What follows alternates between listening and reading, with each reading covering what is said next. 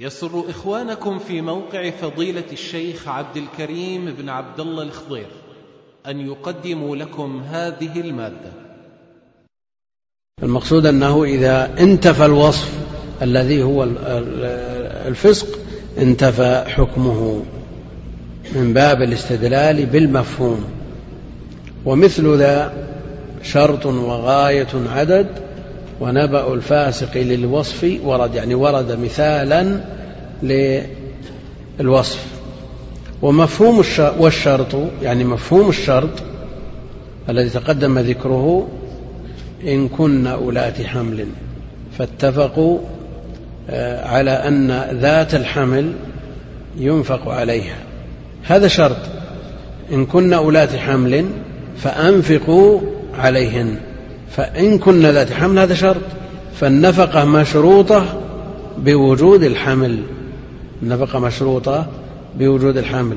مفهومه أنه إذا لم تكن ذات حمل فلا نفقة لها لأن النفقة مشروطة بوجود الحمل. إن كن أولاة حمل فأنفقوا عليهن حتى يضعن حملهن. وهذا يصلح لمفهوم الشرط ومفهوم الغاية. نعم. على ما سيأتي. ولذا يقول أهل العلم أن النفقة للحمل نفسه لا لها من أجله. لا لها من أجله. فالنفقة مرتبطة بالحمل.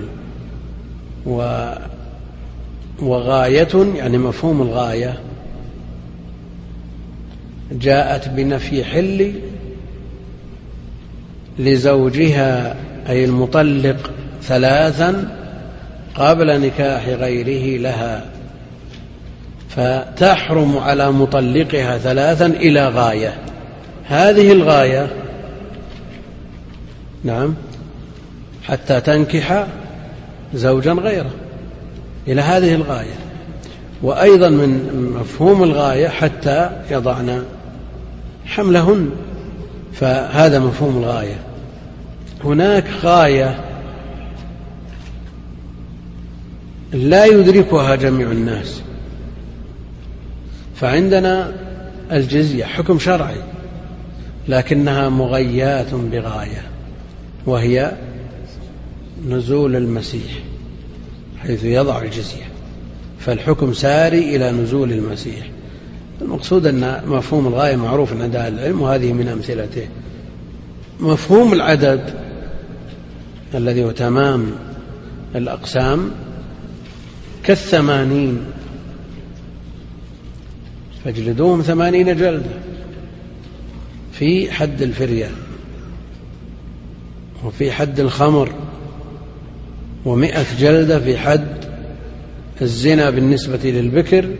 هذا هذه أعداد لها مفهوم. إيش معنى مفهوم؟ أنه لا يزاد منها ولا ينقص. أعداد لها مفهوم بمعنى أنه لا يزاد منها لا يزاد عليها ولا ينقص. جلدوهم ثمانين جلدة فلا يجوز واحد وثمانين ولا يجوز تسعة وسبعين فالعدد له مفهوم. كثيرا ما نسمع في توجيه بعض الأحاديث وبعض الآيات أن العدد لا مفهوم له. لكن ليس على إطلاقه. العدد في ما الحديث بصدده لا مفهوم له. فلو جاءنا من يقول أننا أنه يستغفر للمشرك واحد وسبعين مرة. واحد وسبعين مرة. لأن الله جل وعلا يقول استغفر لهم أو لا تستغفر لهم إن تستغفر لهم سبعين مرة فلن يغفر الله لهم. يقول لو استغفرت واحد وسبعين العدد له مفهوم فلو زدت على ذلك خرجت من الحكم. نقول لا العدد لا مفهوم له. المسألة تحكم ولا بأدلة؟ بأدلة. متى يلغى المفهوم؟ وهذا ليس خاص بمفهوم العدد. كل المفهومات هذه إذا عورضت بمنطوقات أقوى منها تلغى المفاهيم. تلغى المفهومات. فهذا معارض بنص منطوق. معارض لهذا العدد لأن من مقتضى الاستغفار طلب المغفرة. والله جل وعلا لا يغفر أن يشرك به. فلا يغفر له ولو استغفر له ملايين المرات. لأن هذا المفهوم معارض. قد يلغى المفهوم هو غير عدد. لأنه يسهل على من ينتسب إلى العلم من طلاب العلم أن يقول العدد لا مفهوم له. لأنه يسمع هذه الكلمة. لكنه لا مفهوم له في المسألة التي تبحث لوجود ما يعارض المفهوم من منطوق. المفهوم مفهوم المخالفة لو عورض بمنطوق في غير العدد ألغي المفهوم. إذا بلغ الماء قلتين لم يحمل الخبث. منطوقه أن هكذا. إذا بلغ الماء قلتين فإنه لا يحمل الخبث. يعني بمعنى أنه يدفع الخبث عن نفسه. مفهوم الموافقة. إذا بلغ ثلاث قلال أربع قلال نعم فإنه لا يحمل الخبث. معنى أنه يدفعه من باب أولى. مفهوم المخالفة إذا كان قلة واحدة أو دون القلتين فإنه يعجز عن حمل الخبث. يعجز عن حمل الخبث. فيتنجس. هذا مفهوم لكن هذا المفهوم معارض بمنطوق إن الماء طهور لا ينجسه شيء مع الاستثناء. إلا ما غلب على لونه أو طعمه وريحه مع ما قيل فيه من ضعف لكن الحكم متفق عليه. العدد العدد العدد معتبر. العدد معتبر. فمثلا ما جاء في الأعداد في الحدود يمكن أن يزاد فيها وينقص لا يمكن أن يزاد لكن إذا عورض هذا العدد مفهومه بمنطوق أقوى منه عرفنا أنه لا مفهوم له. أو وجد من أجل التوفيق بين النصوص قلنا العدد لا مفهوم له. مثل ما جاء في صلاة الفذ صلاة الجماعة تفضل صلاة الفذ بخمس وعشرين في رواية حديث آه، ابن عمر بسبع وعشرين. قال والعدد لا مفهوم له إنما يراد بذلك الترغيب في صلاة الجماعة مع أنه حمل على أوجه صحيحة. فيقال السبع والعشرين من صلى في المسجد وذاك لمن صلى في غيره خمسة والعشرين أو السبع والعشرين لمدرك الصلاة من أولها والخمسة والعشرين لمدرك بعضها أو السبع والعشرين للبعيد عن المسجد والخمسة والعشرين للقريب. أقوال كثيرة لأهل العلم. المقصود أن العدد له مفهوم هذا الأصل لأنه كلام كلام يعقل معناه وله ما يزيد عليه وما ينقص عنه. وليس بمراد للمتكلم. نعم. ثابكم الله. قال رحمه الله النوع التاسع والعاشر المطلق والمقيد. وحمل مطلق على الضد إذا أمكن والحكم له قد أخذ كالقتل. كالقتل والظهار حيث قيدت أولاهما مؤمنة إذ وردت وحيث لا يمكن كالقضاء في شهر الصيام حكمه لا تقتفي. يقول الناظم رحمه الله تعالى في النوع التاسع والعاشر المطلق والمقيد. وذكر الأمرين للحاجة إلى بيانهما. ولم يذكر المنطوق لأنه لا يحتاج إلى بيان. فالمطلق يحتاج إلى بيان والمقيد يحتاج إلى بيان. والمطلق هو اللفظ الدال على الماهية بلا قيد. هو اللفظ الدال على الماهية بلا قيد. والمقيد ضده. وهو ما دل على جزئي من أجزاء الماهية. يقول وحمل مطلق على الضد. الضد هو إيش؟ المقيد. حمل مطلق على الضد يعني على المقيد إذا أمكن ذلك الحمل. والحكم وحينئذ يكون الحكم له أي للمقيد. يعني مثل إذا وجد التعارض بين العموم والخصوص الحكم للخاص. وهنا إذا أمكن حمل المطلق على المقيد صار الحكم للمقيد. قد أخذ الألف هذه للإطلاق قد أخذ مبني للمجهول فلا يبقى المطلق على إطلاقه بل يبقى الحكم للمقيد. ثم مثل كالقتل يعني ككفارة القتل وكفارة الظهار. كفارة القتل مقيدة بكونها مؤمنة كفارة القتل مقيدة بكونها مؤمنة وكفارة الظهار مطلقة. فقالوا يحمل المطلق على المقيد في جميع الكفارات لأنه جاء تقييدها في كفارة القتل. وحينئذ يحمل المطلق على المقيد للاتفاق في الحكم للاتفاق في الحكم. ووجوب العتاق وإن اختلف السبب فالسبب قتل والسبب للكفارة الثانية ظهار والسبب للكفارة الثالثة جماع والسبب في الكفارة الرابعة يمين وهكذا. الأسباب مختلفة والحكم واحد.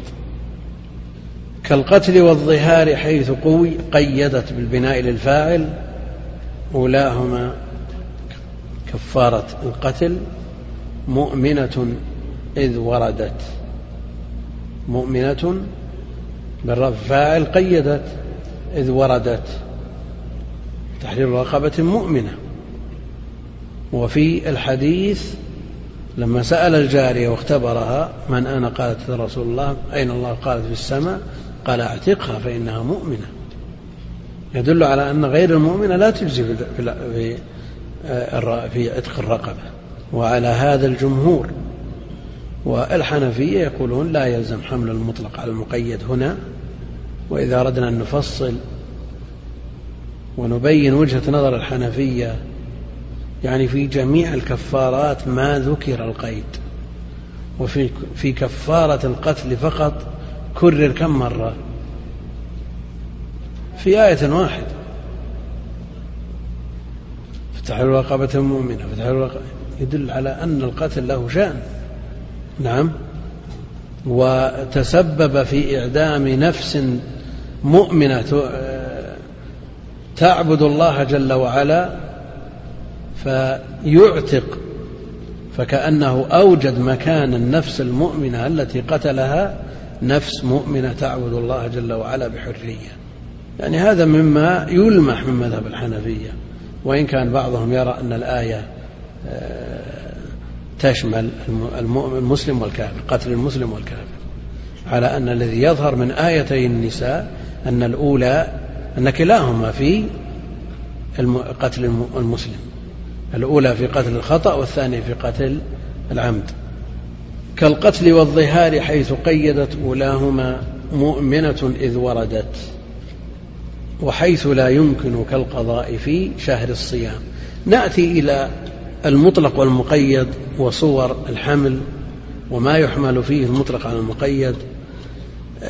المطلق والمقيد مع المطلق مع المقيد لا يخلو من أربع صور أربع صور الاتحاد في الحكم والسبب وهنا يحمل المطلق والمقيد بالاتفاق الاختلاف في الحكم والسبب وهنا لا يحمل المطلق على المقيد الاتفاق في الحكم دون السبب والحمل فيه عند الجمهور والاتفاق في السبب دون الحكم وعدم الحمل هو قول الجمهور. وذكرنا أن الصور أربع. ما يتفق فيه الحكم مع السبب ما يتفقان فيه في الحكم والسبب وما يختلفان فيه حكما وسببا وما يتفقان في حكم في الحكم دون السبب والعكس. فإذا اتفقا في الحكم والسبب عن المطلق والمقيد فالحمل في هذه الصورة شبه اتفاق شبه إجماع. وذلكم كالدم. في قول الله جل وعلا حرمت عليكم الميتة والدم هذا مطلق. وفي قوله جل وعلا قل لا أجد فيما أوحي إلي محرما على طاعم يطعمه إلا أن يكون ميتة أو دما مسفوحا. هذا مقيد بكونه مسفوح. فيحمل المطلق على المقيد فالذي يحرم الدم المسفوح. أما ما يبقى في ثنايا اللحم أو في العروق وما أشبه ذلك فلا. هذا ما يتفقان فيه في الحكم والسبب وأما ما يختلفان فيه في الحكم والسبب فلا حمل للمطلق على المقيد اتفاقا. فاليد في آية الوضوء مقيدة وأيديكم إلى المرافق. وفي آية السرقة مطلقة فاقطعوا أيديهما مطلقة. والحكم مختلف هذا قطع وهذا غسل والسبب مختلف هذا حدث وهذا سرقة فلا يحمل المطلق على المقيد فيقال تقطع اليد من المرفق. الصورة الثالثة اتفاقهما في الحكم دون السبب مثل الكفارة. كفارة القتل وكفارة الظهار. الحكم واحد كله في وجوب العتق في الأمرين. والسبب مختلف هذا قتل وهذا ظهار. فيحمل المطلق على المقيد عند الجمهور والحنفية لم يحملوا المطلق في كفارة الظهار على المقيد في كفارة القتل. العكس إذا اتفق في السبب دون الحكم لا يحمل المطلق على المقيد عند الجمهور وذلك كاليد في آية الوضوء مقيدة. بالمرافق وفي آية التيمم مطلقة. السبب واحد حدث لكن الحكم مختلف. هذا غسل وهذا مسح. ولذا الأكثر على أنه لا يحمل المطلق على المقيد. بعد هذا يقول الناظم رحمه الله وحيث لا يمكن يعني حمل المطلق على المقيد كالقضاء في شهر الصيام. يعني من أفطر من كان منكم مريضا أو على سفر فعدة من أيام أخرى يعني فأفطر فالواجب عليه عدة لم يذكر فيها ولا يفهم من الآية أن هذه العدة تقضى على الترتيب وعلى التوالي تكون متوالية ومتتالية وليس فيها ما يمنع من ذلك. والحمل هنا هنا الإطلاق واحد والتقييد في الصيام مختلف. جاء تقييد الصيام بالتتابع صيام شهرين متتابعين. وجاء تقييد الصيام بالتفريق. جاء التقييد بالتفريق في صوم التمتع. ماذا قال؟ ثلاثة أيام في الحج وسبعة إذا رجعتم. هذا تفريق وهناك تتابع. فعلى. على أيهما يحمل؟ الحمل على أحدهما تحكم يحتاج إلى مرجح. هذا على سبيل الإلزام وأما القول باستحباب التتابع والمبادرة بالقضاء والمسارعة بإبراء الذمة هذا شيء آخر. وحيث لا يمكن حمل المطلق على المقيد كالقضاء في شهر الصيام قولي فعدة من أيام أخر حكمه حكمه لا تقتفي. يعني لا تتبع من اقتفاء الأثر وهو التبعية. يعني لا تتبع قول من يقول بالتقييد بالتتابع ولا قول من يقول التقييد بالتفريق. لما عرفنا أنه جاء مقيدا بالتتابع وجاء مقيدا بالتفريق. نعم. ثابكم الله. قال رحمه الله تعالى النوع الحادي عشر والثاني عشر الناسخ والمنسوخ. كم صنفوا في ذين من أسفار واشتهرت في الضخم والإكثار وناسخ من بعد منسوخ أتى ترتيبه إلا الذي قد ثبت من آية العدة لا يحل لك النساء صح فيه النقل والنسخ للحكم أو التلاوة أو لهما كآية الرضاعة. يقول الناظم رحمه الله تعالى في النوع الحادي عشر والثاني عشر الناسخ والمنسوخ الناسخ والمنسوخ والنسخ عرفوه في اللغة بالإزالة نسخت الشمس الظل والريح الأثر إذا أزالته وعلى ما يشبه النقل من هنا نسخت ما في الكتاب بعضهم يقول النقل. وهو ليس بنقل حقيقي بمعنى أن المادة تنتقل من هذا إلى هذا. إذ لو انتقلت لصار إزالة يعني نسخ الكتاب النسخ من كتاب إلى آخر. هل معنى هذا أن الكتاب المنسوخ منه يصير مثل الدفتر ما في كلام. نعم لا الكلام باقي إذا ليس بنقل. وعرفوه في الاصطلاح أنه رفع الحكم الثابت بدليل شرعي. الرفع الحكم الثابت بالدليل بدليل آخر بخطاب آخر متراخ عنه. متراخ عنه. يعني لولا الناسخ لثبت حكم المنسوخ. والنسخ من أهم ما يعنى به طالب العلم. ولا يجوز لأحد أن يتصدى للتفسير أو للإفتاء أو للقضاء وهو لا يعرف الناسخ والمنسوخ. وقد ذكر عن علي رضي الله تعالى عنه أنه سمع قاصا فقال له تعرف الناسخ من المنسوخ؟ قال لا. قال هلكت وأهلكت. معرفة الناسخ والمنسوخ الحكم الثابت المتأخر من المتقدم متأخر ليعمل به والمتأخر ليكون منسوخا والنسخ واقع في النصوص ومنصوص عليه في قول الله جل وعلا ما ننسخ من آية أو ننسها وثابت في السنة أيضا والأدلة عليه أكثر من أن تذكر أو أن تحصر وفيه المصنفات الكبيرة.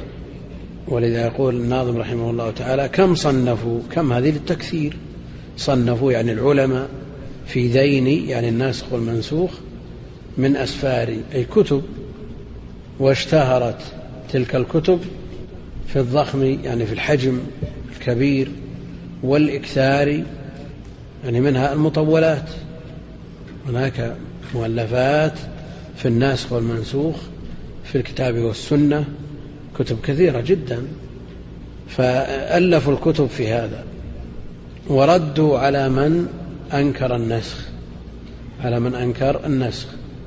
وبعض المعاصرين كتب تفسير أشبه ما يكون بالخواطر.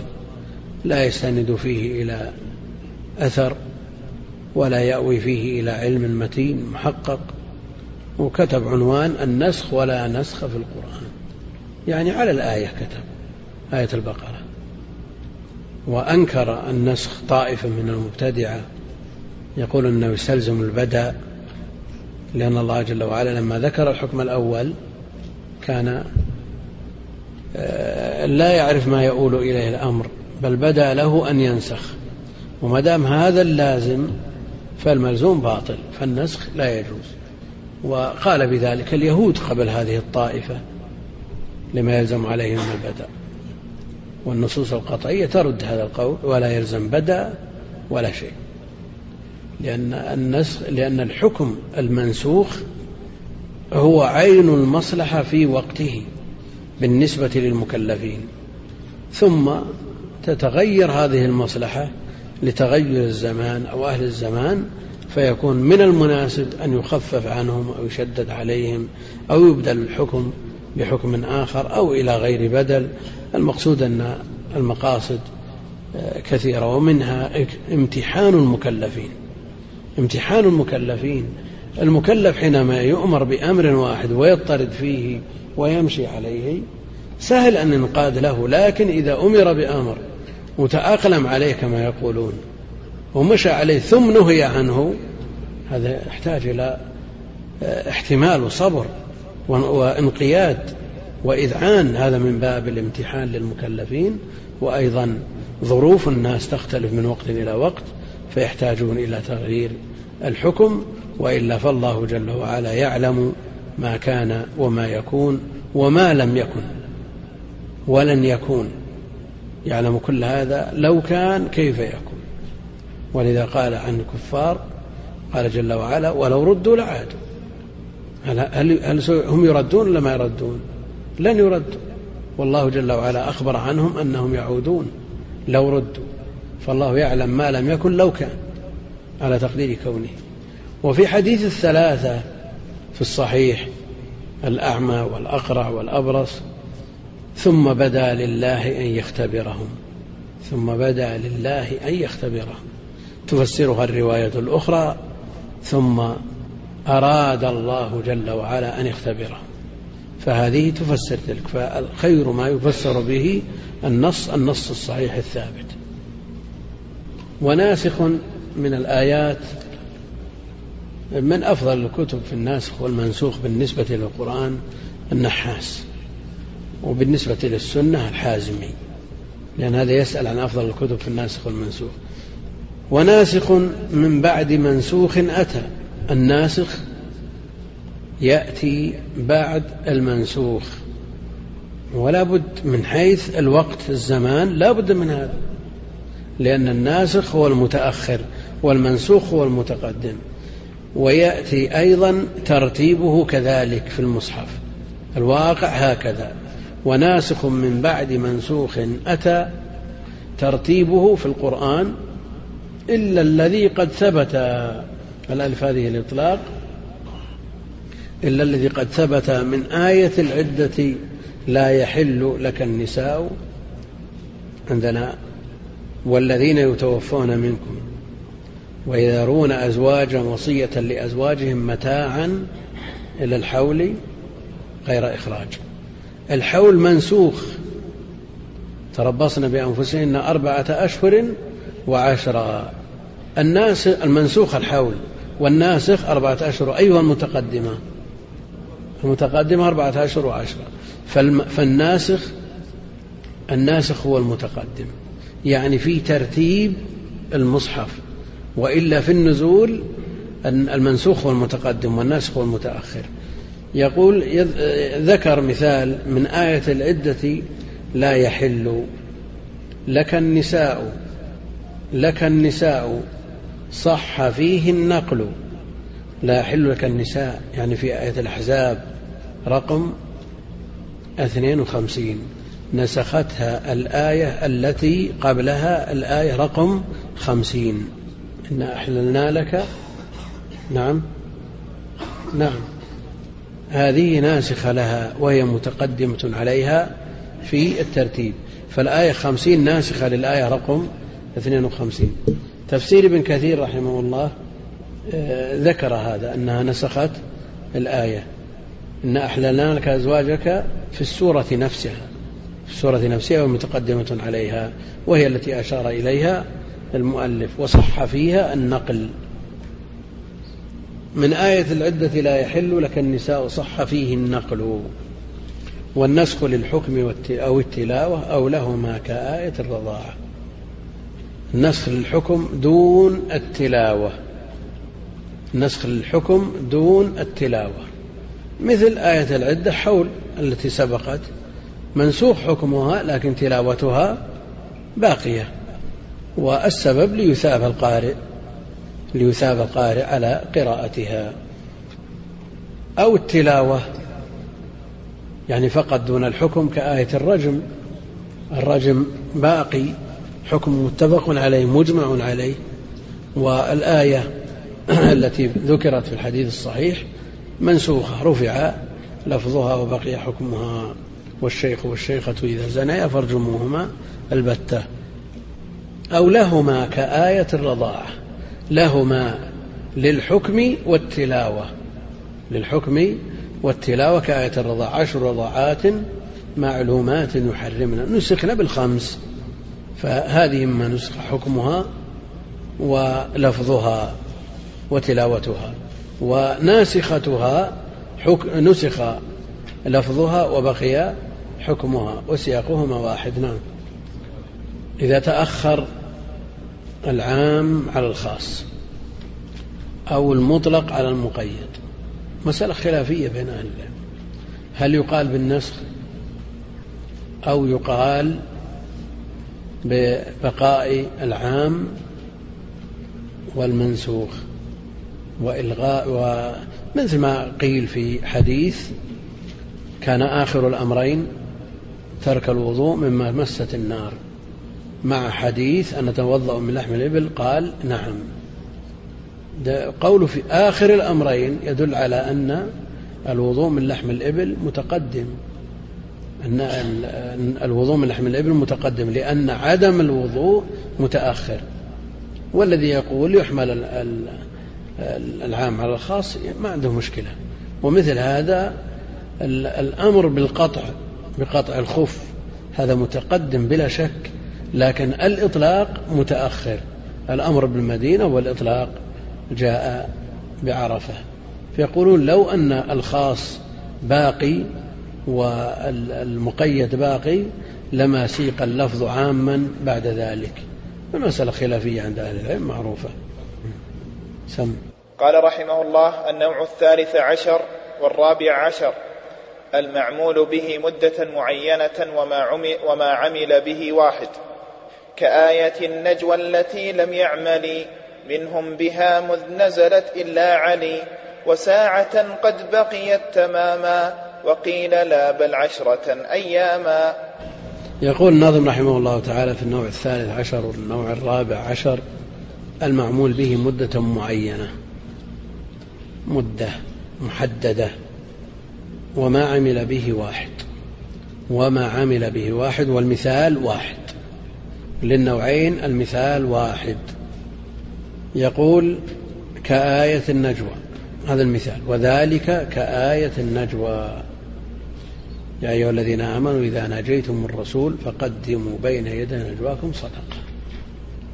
التي لم يعمل منهم بها من الصحابة بهذه الآية مذ نزلت إلا علي بن أبي طالب. قدم تصدق بدينار ثم ناجى النبي عليه الصلاة والسلام وما عمل بها أحد منهم حتى نسخت. لكن كم بقيت هذه الآية إلى أن نسخت؟ خلاف. وساعة قد بقيت. يعني بقي الوجوب ساعة. بقي مفادها ومدلولها ساعة ثم نسخت. لأنه يشق علي على جميع الصحابة أن كل من أراد أن يناجي النبي عليه الصلاة والسلام وحاجتهم تشتد إلى ذلك. حاجتهم تشتد إلى النجوى كل من احتاج إلى النجوى ويقدم صدقة هذا يصعب عليهم. وساعة قد بقيت يعني إلى أن نسخت تماما لا زيادة ولا نقص. لا زيادة ولا نقص. هل يمكن أن يقال في الساعة على اصطلاحهم لا زيادة ولا نقص؟ أو أن الساعة مقدار من الزمان ليس المراد به الساعة الفلكية التي عبارة عن ستين دقيقة. ولذلك قد تكون الساعة ساعتين ثلاث وقد تكون ربع ساعة فتحدثا ساعة. يعني مقدار من الزمان. وقيل لا أي ليس بقاؤها ساعة بل بقيت أكثر من ذلك. بقيت إلى أن نسخت عشرة أياما. يقولون والأول أظهر أنها ساعة. لماذا؟ نعم. إذ يبعد يبعد أن تستمر عشرة أيام مع مسيس الحاجة إلى مناجاة النبي عليه الصلاة والسلام ولم يعمل بها إلا علي. فإما أن نقول قد عمل بها غير علي أو نقول أنها لم تبقى إلا مدة يسيرة آه، لا يشق عليهم انتظارها. لم يشق عليهم انتظارها أو مرت من غير احتياج إلى مناجاته صلى الله عليه وسلم. في كتب الشيعة يذكرون في آية المائدة وهم راكعون. يقول هذه الآية ما عمل بها إلا علي. راكع وجاء سائل فأبرز له إصبعه التي فيها الخاتم ليأخذه. لكن هل مفاد الآية أن الصدقة وإيتاء الزكاة حال الصلاة؟ أو أن هذا مما ينافي مقتضى لب الصلاة الذي هو الخشوع هل يمدح بهذا أو يذم؟ يذم. لأنه غفل عن صلاته وغفل عن مناجاة ربه وتحرك في صلاته من غير حاجة. كل هذا ما يذم ويصان علي رضي الله تعالى عنه ذلك مع أن ظاهر اللفظ لا يدل عليه. في المسألة حديث أبي هريرة إذا سجد أحدكم فلا يبرك كما يبرك البعير. وليضع يديه قبل ركبتيه. وفيها أيضا حديث وائل. كان النبي عليه الصلاة والسلام إذا سجد وضع يديه قبل ركبتيه. الحديث الأول أرجح. ونص على هذا ابن حجر في البلوغ وغيره. فإذا كان أرجح لأن له شاهد من فعل ابن عمر أو من حديث ابن عمر إذا كان أرجح فما المانع من العمل به؟ وليضع يديه قبل ركبتيه. المانع تأثر كثير من طلاب العلم بقول ابن القيم أن الحديث مقلوب. كيف مقلوب ابن القيم؟ قال إذا نزل على يديه قبل ركبتيه أشبه البعير. نقول يا يا رحمك الله ما معنى بروك البعير؟ متى يقال برك البعير؟ اللغة يقولون برك البعير وحصحص البعير. إذا نزل على الأرض بقوة فأثار الغبار وفرق الحصى. فمن نزل بيديه بقوة وأثار الغبار وخلخل البلاط قلنا برك مثل ما يبرك البعير. وإذا نزل على ركبتيه بقوة وفعل مثل ما صنع قلنا برك مثل ما يبرك الحمار. وكل هذا ممنوع. فالممنوع أن ينزل على الأرض بقوة. وجاء البروك على على الركبتين أيضا. عمر رضي الله عنه في الحديث الصحيح في البخاري فبرك على ركبتيه. إذا البروك مو خاص باليدين أو بالركبتين. فإذا فهمنا معنى البروك زال عنا الإشكال. لا نبرك مثل ما يبرك البعير ننزل بقوة ولنمتثل الأمر وليضع يديه قبل ركبتيه. إذا وضعهما مجرد وضع ما يقال برك مثل ما برك. نقول وضع يديه قبل ركبتيه امتثل الأمر. وفرق بين أن ترمي المصحف على الأرض هذا حرام عظيمة من من عظائم الأمور. وبين أن تضع على الأرض ما فيه أدنى إشكال. يجوز. فرق بين هذا وهذا. فإذا نزلت المسألة مسألة قيام بين يدي الله جل وعلا عليك بالرفق والطمأنينة تؤدي صلاة أنت ماثل بين يدي خالقك.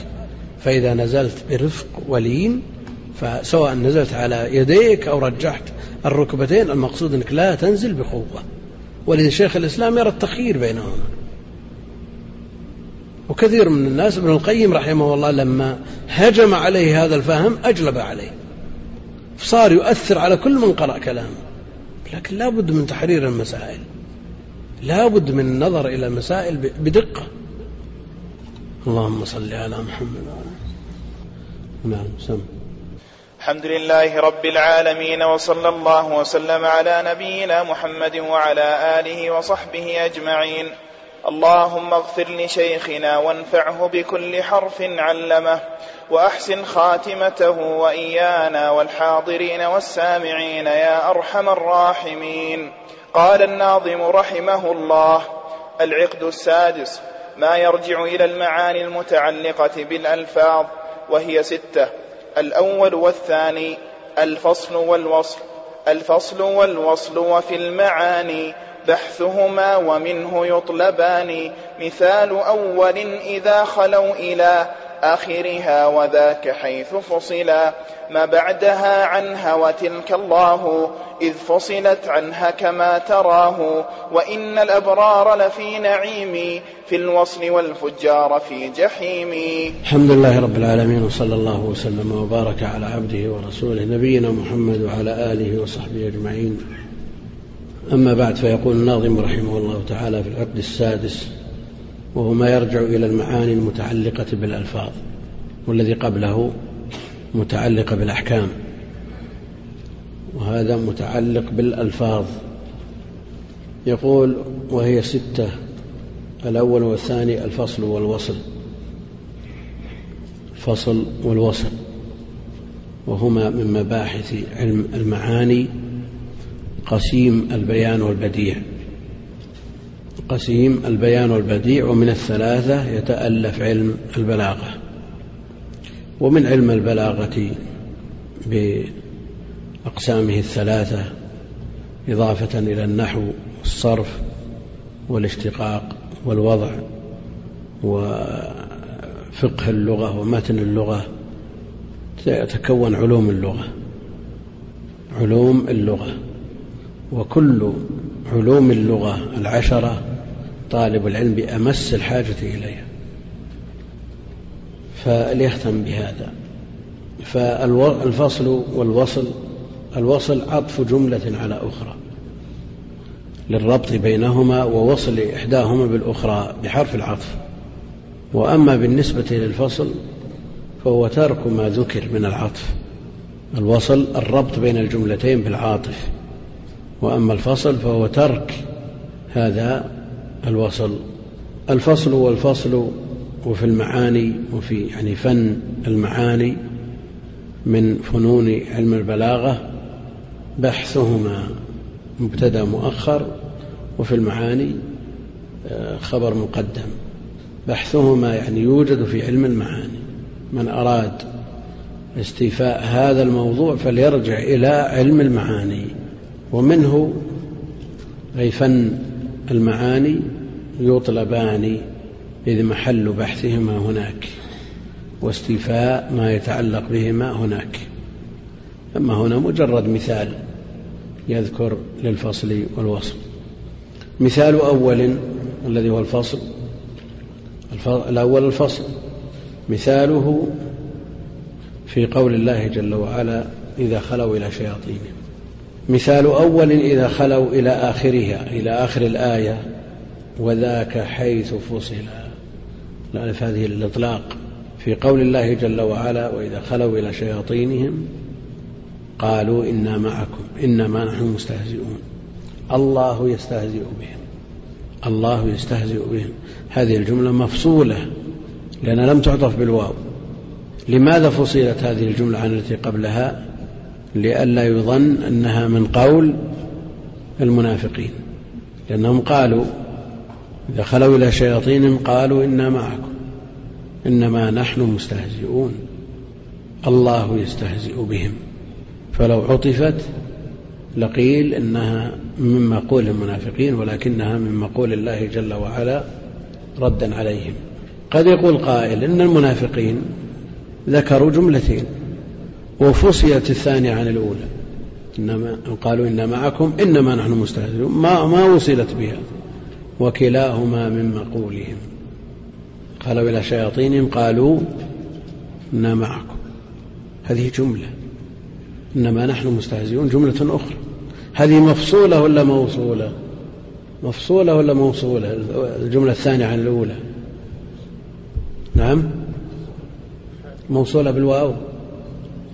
يعني باعتبار أن الجملة لا ارتباط للثانية بالأولى. ففصلها متجه. هل هذا ممكن أن يقال أن الجملة الأولى إنما تقال للمؤمنين؟ يتجه هذا مثل ما قال الشيخ. إذا خلوا إلى شياطينهم قالوا إنا معكم إنما نحن مستهزئون. فالحال واحد هم يقولون لشياطينهم الجملتين فهاتان الجملتان مفصولتان أو موصولتان؟ يعني على ما على حد ما ذكروا ولا في القرآن ما في أحد بيستدرك عليه أو يقول هذا أفصح وهذا لا أبدا. كلام الله أفصح الكلام. والقواعد مثل ما ذكرنا ينبغي أن تخضع للقرآن. ما يتأول القرآن من أجل القواعد ويتكلف في تأويله من أجل القواعد. لا قواعد العربية ولا غير العربية. بل القواعد المرتبطة بعلوم الدين كلها تخضع للقرآن لأنه أساس العلوم كلها. هذا عندهم يذكرونه. الفصل والوصل يقولون إن العطف يدل على الوصل وترك العطف يدل على الوصل. الوصل عطف الجملة بأي حرف من حروف العطف والفصل ترك أو الوصل الفصل ترك العطف. الوصل عطف جملة على أخرى والفصل ترك هذا العطف. يعني ما يذكره العلماء المتخصصون بالقرآن من الوقف اللازم للمزيد من مواد فضيلة الشيخ عبد الكريم الخضير يرجى زيارة الموقع الرسمي لفضيلته www.kudair.com والسلام عليكم ورحمة الله وبركاته.